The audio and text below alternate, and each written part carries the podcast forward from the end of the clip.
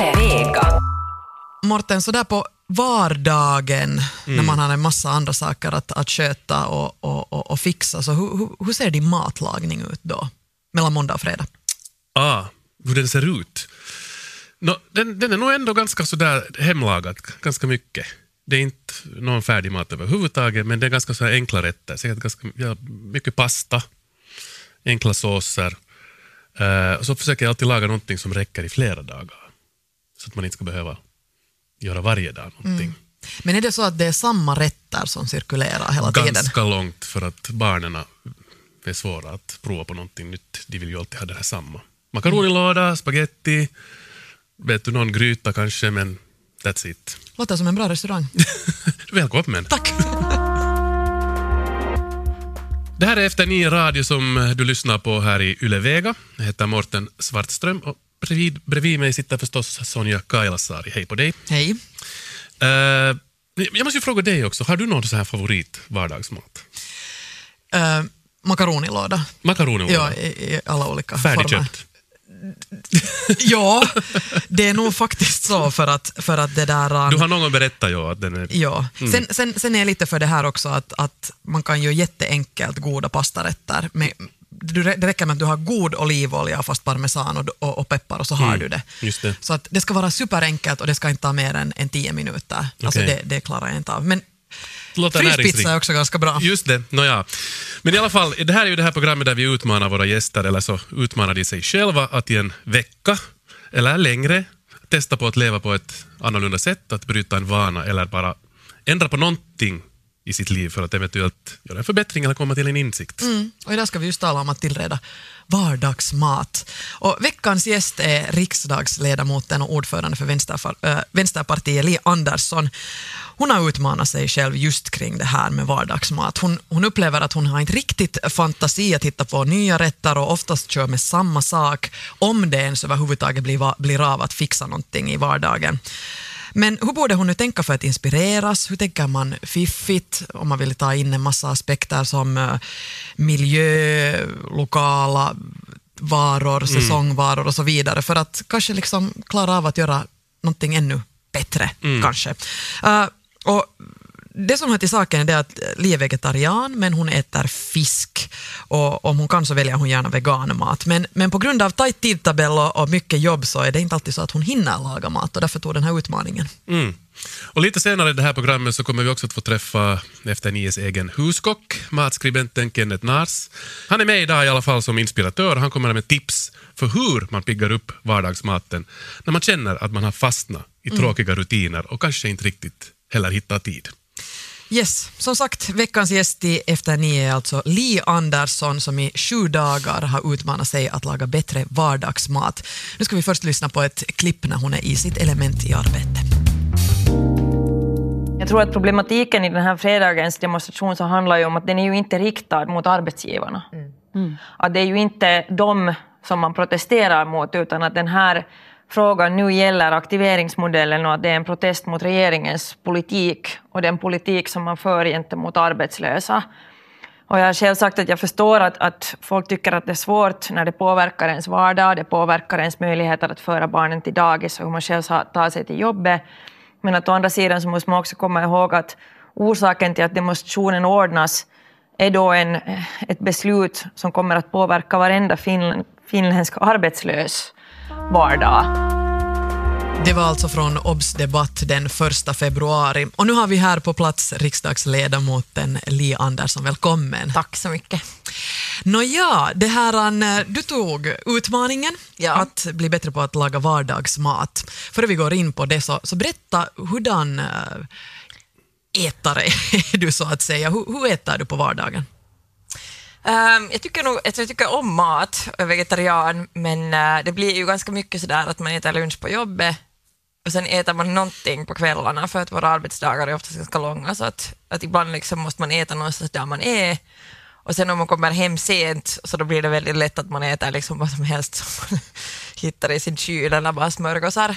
Så det var egentligen det som jag tänkte på i fråga om den här utmaningen, att nu måste jag försöka skärpa mig och göra saker själv. Hur ville du ja, förbättra? Alltså det att du skulle tillreda själv och inte kanske äta färdigmat? Ja, eller? alltså det att jag skulle A. tillreda själv och B. tillreda mat överhuvudtaget så att man inte liksom faller in i en sån här uh, äter lite någon sallad som man får i samband med något möte eller äter bara smörgås när jag kommer hem eller äter bara pasta pesto vilket min, min mest vanliga vardagsrätt har blivit. Det låter som en ganska stor utmaning för, för dig. Det var kanske lite för stor, ja. Finns det alltid eh, eh, vegan eller vegetariansk eh, alternativ på de platser där du är Jag äter? tycker nog att det finns det nu för tiden, ja. Och jag brukar äta fisk också därför för att det underlättar det sen ännu mer. Men att, att jag tycker, åtminstone i Finland så får man nog bra vegetariska alternativ. Att faktiskt tycker att man i Finland får det mycket bättre än, än i andra nordiska länder till och med, eller i övriga europeiska länder. Att det liksom har varit intressant att märka att om man är på så här samnordiska möten, till exempel för olika vänsterpartier, så är det oftast bara finländarna som, som äter vegetariskt. Ah, ja, det är ju en intressant grej. Det, det har faktiskt, ja, det har överraskat mig också. Att det, det verkar som att den här liksom boomen är, är störst här.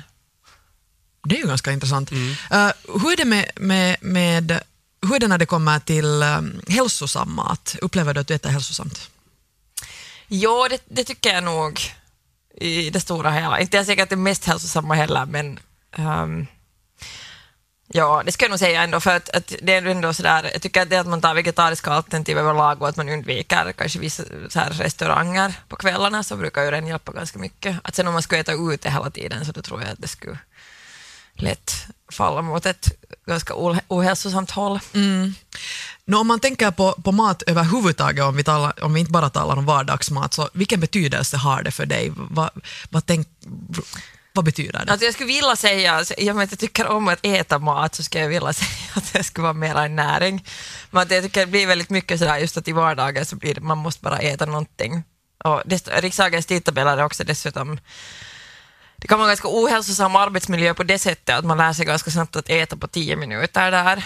Att det är ofta någonting man måste där klämma in uh, i något skede av dagen så att man orkar. Men att, att uh, sen förstås på veckosluten när man är ledig och har mera tid så då är det ju helt ljuvligt om man kan sådär gå ut och äta eller göra någonting själv. Men återigen, alltså det här med min bristande fantasi i fråga om att laga mat själv så gör ofta till att om jag vill njuta eller satsa på något speciellt så går jag nog oftare ut och äter än att jag skulle börja koka hemma.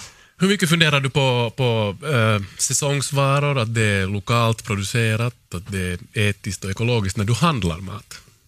Nej, det är att det är etiskt och ekologiskt så nog en hel del skulle jag säga. Det är redan att man lämnar bort kött och liksom, eh, så långt som möjligt också mjölkprodukter. Att jag äter nog ganska mycket, liksom, om jag gör själv åtminstone så gör jag ganska oftast också vegansk, äh, vegansk mat. Jag har mycket kompisar som är helt äh, som är veganer så då har man liksom vant sig också vid att använda typ mm, vad ska jag säga, sojakross eller uh, seitan eller någonting liknande. Och det finns det ju också mycket mera alternativ för nu i vanliga mataffärer än det fanns tidigare där man liksom måste göra själv från scratch. Så det har kanske underlättat mitt liv också lite. Ehm, och sen mm, säsongsprodukter tycker jag att det, faller sig, det blir, faller sig ganska naturligt tycker jag i Finland ändå att man liksom när det är sommar så får man mycket bättre färska råvaror också här nära än man får på vintern. Att det är kanske. Vad hör till din repertoar så att säga i, i, i vardagen då? No, den är väldigt uh, kort. att det blir mest sådär pasta med pesto, den mest snabba och tråkigaste rätt som jag gör. Och, um, en pasta faktiskt med tofu och, och tomatsås och lite kokosmjölk. Det är typ en annan. Och sen när jag ska liksom, om jag har gäster så brukar jag laga en kikärtsgryta med jordnötssmör. Okej, men det låter That's ju helt ungefär. avancerat. Men Det är inte avancerat. Liksom allt annat än det. Du har ju också fört lite dagbok Ja. under den här mm, utmaningsveckan. Ehm, och det finns ju ett första klipp. Nu har vi talat om ekologiska varor och säsongsvaror Mm. Och så bra, att laga själv. så eh, vi ska höra hur det, jag tror det här var dag tre precis. som, som, som du skulle tillreda mat. Vi ska höra hur det gick. Okej, idag har jag kommit hem efter en lång dag och nu erkänner jag att nu kommer det här skita sig. För eh, nu orkar jag helt enkelt inte börja fylla mig att laga mer mat och jag vet att jag tyvärr har den här i min frys. förlåt utmaningen, det här är ett ärligt erkännande om att idag kommer det att misslyckas. Men jag kan ju lägga på lite rucola då i alla fall ungefär. Så. Don't do this at home. Så färdig fryspizza, men som du piffar upp med lite rucola. Jag uppskattar den lilla liksom. Ja, bra att det här var först. Ja, men det här, alltså min, här ser man igen, alltså min utmaning börjar dåligt, därför det börjar liksom jag hade, på det var det en bra vecka, det liksom, veckan var inte planerad enligt utmaningen. Så veckan började genast med två arbetsdagar när jag hade kom hem så sent att det var liksom ingen vits att börja laga mat mera. Alltså både på onsdag så var jag i riksdagen till, till nio. Så det var dagen då du började? Det var dagen ja. då jag började, ja, så då, då, man, de har ju som tur de har soppa där liksom hela, så länge som det är plenum. Mm. Så att om det är plenum som slutar typ mitt i natten så då kan man gå dit till café och äta någonting. Så då åt jag liksom där och lagade ingen mat alls. Och samma på torsdag hade vi en tillställning så jag var hemma först klockan tio. Men sen på fredagen var det första, första, första kvällen när jag i princip ska ha hunnit så då var jag så trött så då lagade jag så blev det fryspizza. fryspizza. Men, men det där, jag känner så igen det där och det är liksom, det, det, det är ju en härlig tanke att man skulle kunna laga någonting uh, lite mer mm. fantasifullt, men man orkar inte. Mm. Och inte bara det, tycker du om fryspizza?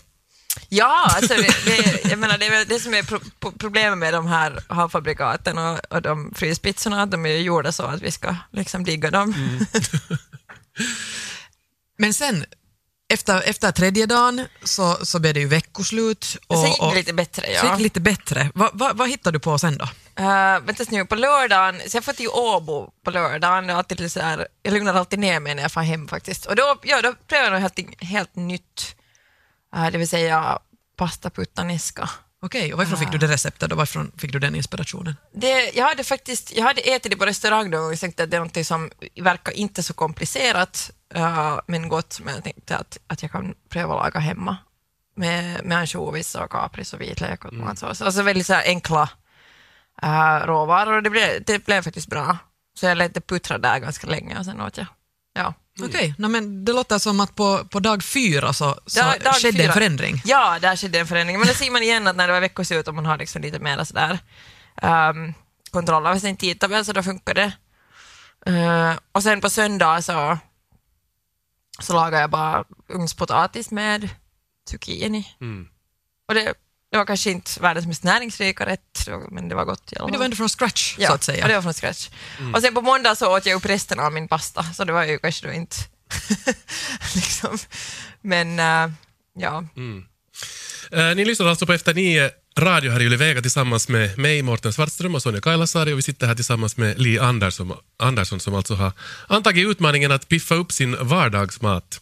Och lite senare kommer vi också att få träffa Kenneth Nars som kommer hit uh, för att ge tips på hur man kan eh, ja, piffa upp sin vardagsmat. Och tanken var ju också Li att, att ni skulle kommunicera här in, ja, inför hade, den här veckan. Jag hade lite missuppfattat det själv. Ja, men i alla fall, han skulle ge dig lite tips mm. på, på, men det, det blir inte något Jag får det. tipsen nu istället. Ja. Du får tipsen nu istället och det, det, det är ju, då går du inte tomhänt härifrån Nej. heller eh, på det sättet. Men, men um, det fanns ännu ett klipp ja. från, din, från din vecka. Vi ska ta och lyssna på det. Okej, nu funkar det här. Idag var sista dagen av min utmaning. Och idag har jag ändå lyckats förhållandevis eh, bra jämfört med hur det har gått vissa andra dagar. Eh, dock så måste jag erkänna att så till den grad har jag fuskat att jag faktiskt fick hjälp eh, med att laga mat idag. Det ser min kompis var här laga mat också. Men här ser ni, eh, eller så ser ni inte, så ser ni lins curry, linser med kokosmjölk och tomatsås och chili och ris och yoghurtsås. Så det, det gick bra i alla fall. Det här kanske inte det är inte sådär helt inhemskt men det, det är gott och det är sådär nyttigt och vegetariskt. Så i den mån så uppfyller det i alla fall de kriterier som jag har satt för mig själv i fråga om mitt hemmamatlagande plus att det är hemmalagat från scratch. Så det där blev bra i alla fall. Hej, det var ju bra. Yay! Ja, det var bra. Och dagen innan så gjorde jag också, det här tycker jag kanske, det var kanske det mest liksom, typiska exemplet på hur jag piffade upp min vardagsmat var att jag alltså lagade pesto själv första gången i mitt liv. Det var dagen före du Det var lagade dagen, dagen innan och det var faktiskt ganska intressant för att det är sådär, pesto är liksom en så sådär basvara för mig, att jag för, just för att det är snabbt och enkelt och så vidare. Och sen hade jag aldrig insett hur enkelt och snabbt det är att laga det själv. Och hur mycket godare Och det blir. hur mycket godare det var. Det var ju verkligen liksom en helt otrolig skillnad, så det tror jag att jag tänker hålla fast vid. Precis. i Jag tycker det är jättefint. Hemlagad pesto och sen dagen efter det eh, linser i kokosmjölk och tomatsås med ris. Och det var på en tisdag och på en onsdag. Ja! Då det är arbetsdagar. Då man inte egentligen har så mycket tid. Eller va? Så att, Så det skedde en, en förändring här under veckan. Det skedde, det, ja, japp, det gjorde Ja. det. Och om en liten stund ska vi ta in nu här eh, vår matexpert Kenneth Nars. Han kommer ge lite mera tips på, på hur man kan piffa upp den här, den här vardagsmaten och, och kanske andra idéer kring hur man ska tänka. hjärtligt välkommen med Kenneth Nars. Tack så mycket. Kock och eh, matskribent och eh, ja, matlagning hör till dina rutiner antar jag. Jag måste ju först fråga, hur mycket tampas du med dina egna vardagsmatsrutiner? No, jag tampas nog ganska mycket för att det, det, det blir liksom sen det blir inte så organiserat som man egentligen skulle vilja och som kanske människor skulle tro att man, man gör det. Så det blir egentligen, ehm, och då jag hörde på vad ni sa, så, så det blir ganska lite upprepningar. Det blir ganska mycket sån spontangrejer som sen blir någonting lite så att "Jaha, vad är det här? Och sen barnen så undrar så att vänta, vad är det här nu då? Att kan vi inte ha, liksom, barn vill ju ha rutin som du sa, så d- där gör du ju helt rätt. Medan, medan jag själv kanske mera improviserar, använder mycket det som man nu råkar ha, tycker f- jättemycket om faktiskt att använda rester och sånt. Har man lite över så bygger man vidare på det så man inte slänger bort något. Men det där, men eh, jo, gör mycket mat hemma förstås, men, men det blir ganska så spontant. Nå, nu har du ju suttit och lyssnat på vår diskussion här Ja. tillsammans med uh, Li Andersson och, och, och vad heter det? Ja, vad väckte det för det första för tankar nu när du fick höra hur hon, hur hon har arbetat under den här veckan med sina... No, tankarna är ju det att det här är ju inte alls ett hopplöst fall, utan, är ju utan det är som det där jag menar den, den glädje och den stolthet och den uppskattning som, som, som du visar redan med, med den här peston som du hade upptäckt och, och din linsgryta, så, så det är liksom hur lätt som helst. En sån här linsgryta till exempel, så där får, gör man ju billig, jättegod, riklig mat som egentligen sköter sig själv ganska långt i en, en gryta puttrar på där. Um, Ja, nej men liksom bara, bara, bara liksom man lite slå, bestämmer vad man vill göra, man organiserar det lite, sin shopping lite bättre, märker att hej, att de här tomatgrejerna, den här pastan som du gör, så jo, då köper man tio burkar av bra tomat, konserverade tomater, så har man alltid de sardellerna eller ansjovisen i kylskåpet, lite parmesanost, så då har du den där grunduppsättningen, ja men den rätten kan man ju äta varannan eller till och med varje dag. Eh, Så grund liksom bunkring med grejerna, det är en, det är en superviktig grej. Eh, In i frysen, ehm, konserver, rotfrukter, ägg om du äter det. Eh, De här liksom grundgrejerna, de ska man bara kolla och det kan man ju göra nu för tiden att en gång i veckan bara så fyller man förråden och sen har man de här sakerna. Och de håller ju länge, de här sakerna. Ja, det, det, men det måste ju vara då råvaror som Exakt. håller, Jo, jo, jo. helt enkelt. Jo, jo. Alltså kruksallad och sånt, så, jag menar, de, de håller ju ett eller två dygn, så det är kanske inte så fiffigt. Och det där. Men, men det finns ju jättebra saker som, som håller länge. Hur ser det ut i ditt skafferi och ditt kylskåp, Li, där hemma? Ja, alltså, alltså ett problem för mig är ju också det där när jag typ, jag är ju alltid fredag till tisdag ungefär i Åbo och sen är jag liksom resten av veckan här. Så det är nog alltid sådär liksom, det blir alltid lite svinn. Um, och sen blir det alltid just det här med att jag liksom oftast glömmer bort vad jag har var. Så då blir det lätt att man liksom, jag har ju fem öpp, öppna pestoburkar någonstans och två oständor. Men jag skulle nog säga att sådär, just till exempel kikärtor och tomat, uh, konserverade tomater brukar det nog finnas i min kyl och vitlök till exempel och kaffemjölk. Att det är kanske de säkraste kaffe. Det, det, som det, säkraste där, råvarorna. det som du hörde, så den här, din, din linsgryta, så då man gör sådana här grytor, så ett tips som jag skulle ha är definitivt att gör alltid dubbelsats av dem, eller gör fast trippelsats. För att det är helt som ett långkok med kött, så en, ett långkok eller ett kok, en gryta med, med bönor eller linser och sånt. Då man en gång gör dem så, så jag brukar göra mängder av det. Och, det där. och sen fryser man in dem bara i någonting smart, inte för kompakta förpackningar utan någonting som är lätt att tina. Om du har en mikrougn, så mikrougnen är ju hur bra, den är perfekt för att för liksom, om man inte är ett stort, stort hushåll, tina upp snabbt, värma mat, eh, smaken blir, blir bra. Så att då du gör dina lins och böngrytor till exempel, så, eh, där du säkert har följt något recept och där de blir bra, så det där, frys in mycket av det och sen har du, de håller ju säkert i ett halvt eller till och med ett år. Så det där, så det Men riset måste man väl alltid koka? Det kan man väl inte? Riset ska du koka också dubbla mängder av och, fry, och frysa in i frysen. Det är superbra. Alltså, jag har alltid, oftast har jag eh, kokt ris i frysen. Och det där, då, du, då du låter det svalna ordentligt, ett torrt ris, sätter det in i en stor bunke bara som är ganska platt eh, och det där, så luftar du den lite medan du kyler ner den. Då det där är det helt alltså löst det här riset. Du kan slänga det i en mikrougn, du kan slänga det i en stekpanna, du kan till och med doppa det snabbt i hett vatten. Då Har det du Li färdigt. en mikrovågsugn? Eh, I Helsingfors har jag det, ja. ja. Hur är det med frys? Man behöver ju en stor Ja. frys för att få... Ja, jag har en liten frys. Okej. räcker, det räcker nog. ja. Men en sak som, som Men också... ris har jag nog aldrig fryst ner, så det var Det lönar sig att göra. Men Ja. förstörs det inte av... av Nej. Nej, Nej, nej, nej, det är också bra. Så länge som man fryser allt när det är färskt. Ja, Det är väl, det är väl exakt. utgångsläge, att Jag man inte det sätter finns efter ju- tre dagar. Det in. finns ju, att, som ni ser i frysdiskarna, vad allt som säljs där nu för tiden, till exempel en superpopulär grej, jag menar, barn och ungdomar nu för tiden, deras snabbmat hemma, mellanmål, är ju ganska långt de här mamma-nudlarna, alltså asiatiska nudlar av olika sort.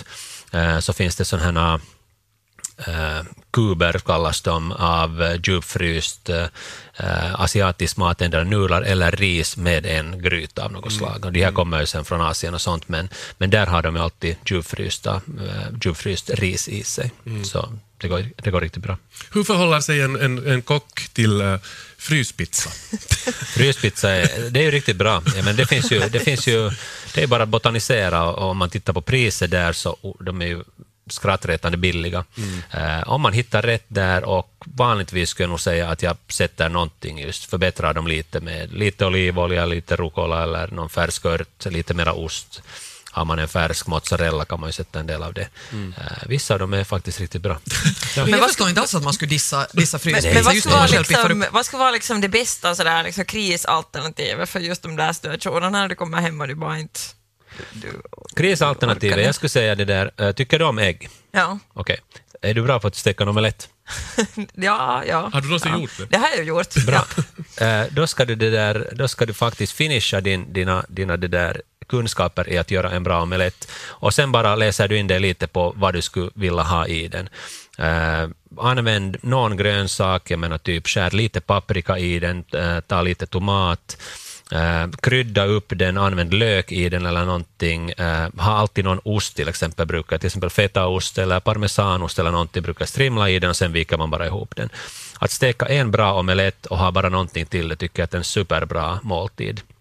Den, de där äggen håller ju i flera veckor, de, de, de kan man alltid ha i kylskåpet. Eh, och bara krydda upp det, så där har man en varm, relativt hälsosam, näringsrik eh, rätt.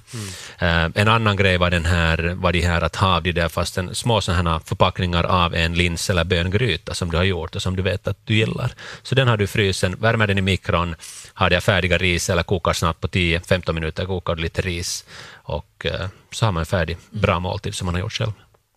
Jag tror att här är, här är egentligen någonting som jag åtminstone reagerar på i, i att planera, är ju det att, att tänka på förhand, vad är det man vill ha.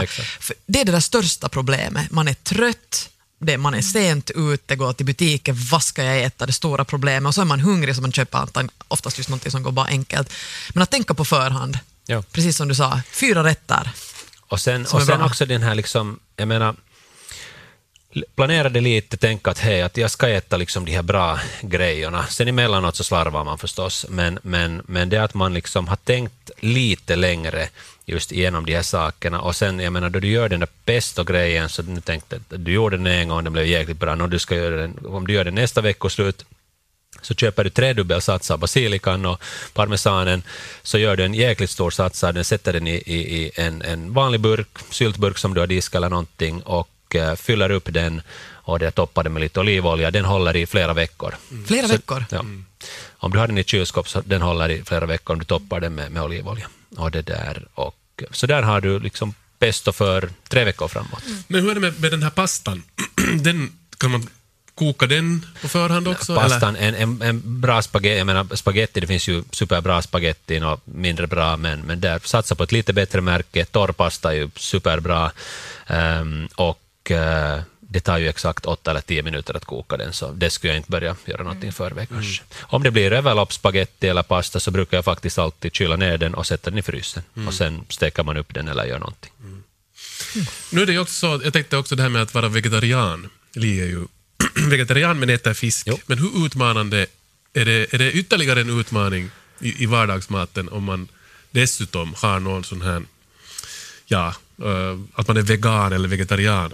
Liksom lite, Mm, Kanske det är en utmaning, ja, men, men jag skulle inte se det som ett problem. Det som jag faktiskt själv inte har förstått riktigt är de här så att säga ersättande produkterna. Jag menar, vad är det man ersätter? Det är att, att industri, matindustrin har börjat göra alla möjliga sådana här härkisar och mifon och hit och dit Korvar och som och liksom ska ersätta att jag äter nu en korv fast jag är vegan. Titta, att jag kan äta en korv fast jag är vegan. Det är helt vridet. Vad är, vad är idén med det?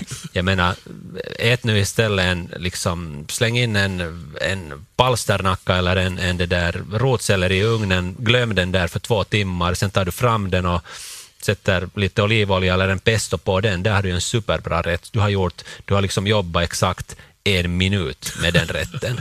Så varför ska du köpa en liksom överkryddad full eh, korv som är liksom full med salt, med tillsatsämnen, emulgeringsmedel för att få skapa någonting som påminner om en riktig knackor. Jag tycker den är lite förvriden, den där liksom hela logiken där.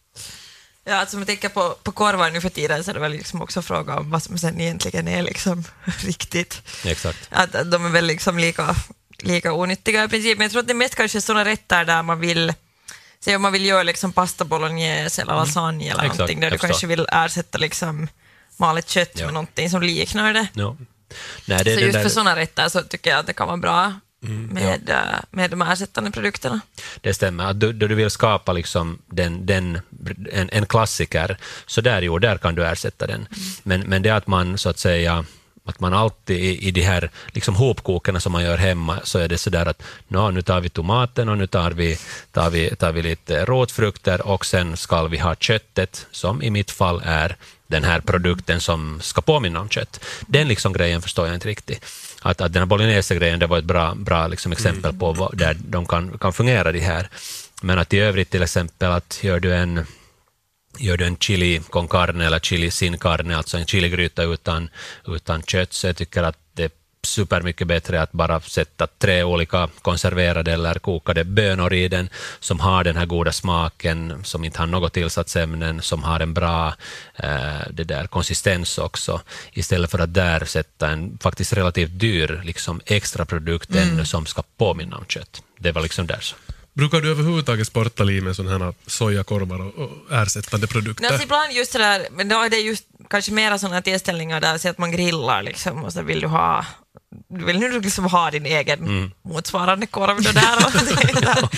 Ehm, och sen, och sen finns det liksom vissa, ibland när man äter tycker du om de där korvarna? Ja, alltså vissa är nog bra. De här liksom, ehm, jag har varit vegetarian så länge, jag kommer ihåg de här första liksom, ersättarkorvarna som som kom på marknaden så typ så här morotskorv Mm. och eh, tomatkorv, de var liksom helt eländigt fruktansvärda. Men nu, nu gör de ju vissa alltså ganska bra, tycker jag, liksom, Mm. nog ersättarprodukter. Och sen finns det liksom vissa restauranger som använder sig av, till exempel i Göteborg jag besökte en kompis i höstas som tog mig, vi får på en restaurang där man fick alltså en vegansk gr- grönpeppar liksom biff. Och jag tänkte sådär att okej, att det här kan vara liksom fruktansvärt dåligt. Eller så kan det här vara jättegott att jag liksom måste pröva. Och det var kanske den, det var den bästa sådär liksom ersättarprodukt jag har ätit någonsin i mitt liv. Uh, sådär äta ute. Då, då, det liksom fanns det, det var nog ändå sådär, när man har ätit liksom, var det vegetariskt så länge som jag har varit så var det sådär typ um, över 12 år så var det ändå sådär att okej, att det är ganska roligt att äta biff på restaurang utan att... Men det var utan att format som något- en biff och- Ja, ja, ja, utan att något djur har behövt liksom. Lägga manken till för det. Det är som det där, jag menar en, ett bra liksom tänk, tänk eh, med, med ifall man är vegetarian eller vegan, så tycker jag att, att det där att sätt in, att sätta in sig ordentligt i olika liksom, etniska kök. Köp en, mm. en bok om portugisisk mat, eh, eller köp en bok om thailändsk eller indisk mat, eller en bok om mat i Jerusalem. Det finns en fantastisk kokbok som heter Jerusalem av, av Jotam Ottolenghi som är en av den vegetariska liksom, restaurangernas en pionjär bland det i London. Eh, hans bok är alltså fantastisk. Mycket av det är vegetariskt och där just så, liksom, så blir hela den här, där ser man hur smart människorna i de här för oss äldre kulturerna, hur de har tänkt på ett helt annat sätt i sin receptik och hur man har skapat smaker och maträtter eh, också av enbart grönsaker alla de här olika rörorna av aubergine, av rotfrukter, av bönor, eh, hur man använder olivolja, hur man smaksätter, hur man kryddar med de här ganska enkla kryddorna med spiskummin, med, med anis, med olika chilipeppar, med, med torkad paprika och sånt, och hur man skapar de här riktigt fina smakerna. Och det är liksom för oss då vi sen står där med liksom sojasåsen och liksom tomatkrosse och sen har vi liksom chiliflaskan. Så det liksom, det, det är svårt att skapa någonting kanske riktigt gott och nytt med, med de här liksom mycket enkla kryddorna, eller liksom de här liksom, den här smakvärlden. Att där är det bra att faktiskt få hjälp av en, av en annan matkultur som säger mm. att hej, dra på för fullt med den här spiskummisen, sen sätter du fem vitlöksklyftor, mycket olivolja, eh, så bygger du upp det med potatis och sen gör du det där, sätter du skivad lök på och så sätter du, om du vill ha fisk, så sätter du fisk på den. Och där får du en, till exempel en portugisisk supergod eh, det där fiskgryta som du gör i en form i ugnen och eh, det, det, är liksom allting. Mm. Fantastisk rätt. Som, som liksom för oss som finländare, vi kan vara sådär, nej men hur, hur ska det här nu gå till? Och där behöver vi liksom, där är det bra att inspireras av kokböcker. Jättebra tips Kenneth. Mm. Uh, mycket som man kan ta med sig och förhoppningsvis för Li också. Mm. Summa summarum Li, uh, vad, fick, vad, vad, blev handen av här, den här utmaningen och, och, diskussionen? Hur går du vidare egentligen? Alltså det, jag tror att, att mitt nästa steg är att, att utveckla den här omelettalternativet. Yes, det lät som en bra, bra grej. Så, om vi tar dem istället för fryspizzorna som kris, mm. kris vad heter det, stationen i fortsättningen så ska jag nog fortsätta med den här hemmagjorda peston också. Mm. Den ska alltid finnas i mm. kylskåpet. Jag tycker det är bra, man får inte vara för hård för sig själv. Bara nej, det nej, nej. att du ändrar en sak så är ju den ett steg mot ett bättre håll, eller det håll du kanske vill gå mot. Tack för det här. Ja, stort tack. Tack så mycket. Tack. Ni har lyssnat på Efter nio radio här i Yle Vega tillsammans med mig, Mårten Svartström och Sonja Kailasari. Och eh, vi är som vanligt tillbaka nästa vecka med nya gäster och nya utmaningar. Vi hörs. Ha det gott.